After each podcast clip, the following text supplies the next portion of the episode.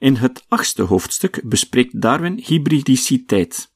Daarover kan ik hier kort zijn. In de bespreking van zijn meningsverschil met Wallace ga ik dieper op dit thema in.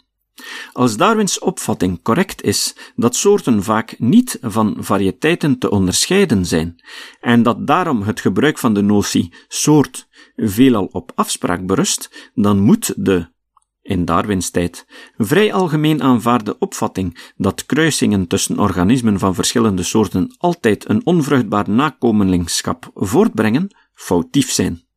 Onder meer op basis van eigen experimenten toont Darwin aan dat dit klopt. Bovendien groeit de kans op onvruchtbare nakomelingen helemaal zoals te verwachten was vanuit het perspectief van de evolutietheorie, naarmate de organismen waarmee wordt gekruist tot soorten behoren die zich verder van elkaar bevinden op de boom van het leven. Hierbij dient opgemerkt dat dit hoofdstuk, zoals een aantal andere in over het ontstaan van soorten, enkele typische foutieve uitspraken bevat, te wijten aan Darwins gebrek aan kennis van de oorzaak van variatie en van het mechanisme van erfelijkheid. Niettemin betekent zijn inzicht dat organismen van verschillende soorten onderling soms wel vruchtbare nakomelingen voortbrengen een fundamentele breuk met het essentialistische soortbegrip, volgens het welk dat per definitie onmogelijk was.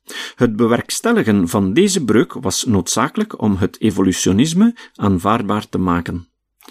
Over de volgende hoofdstukken kan ik eveneens kort zijn.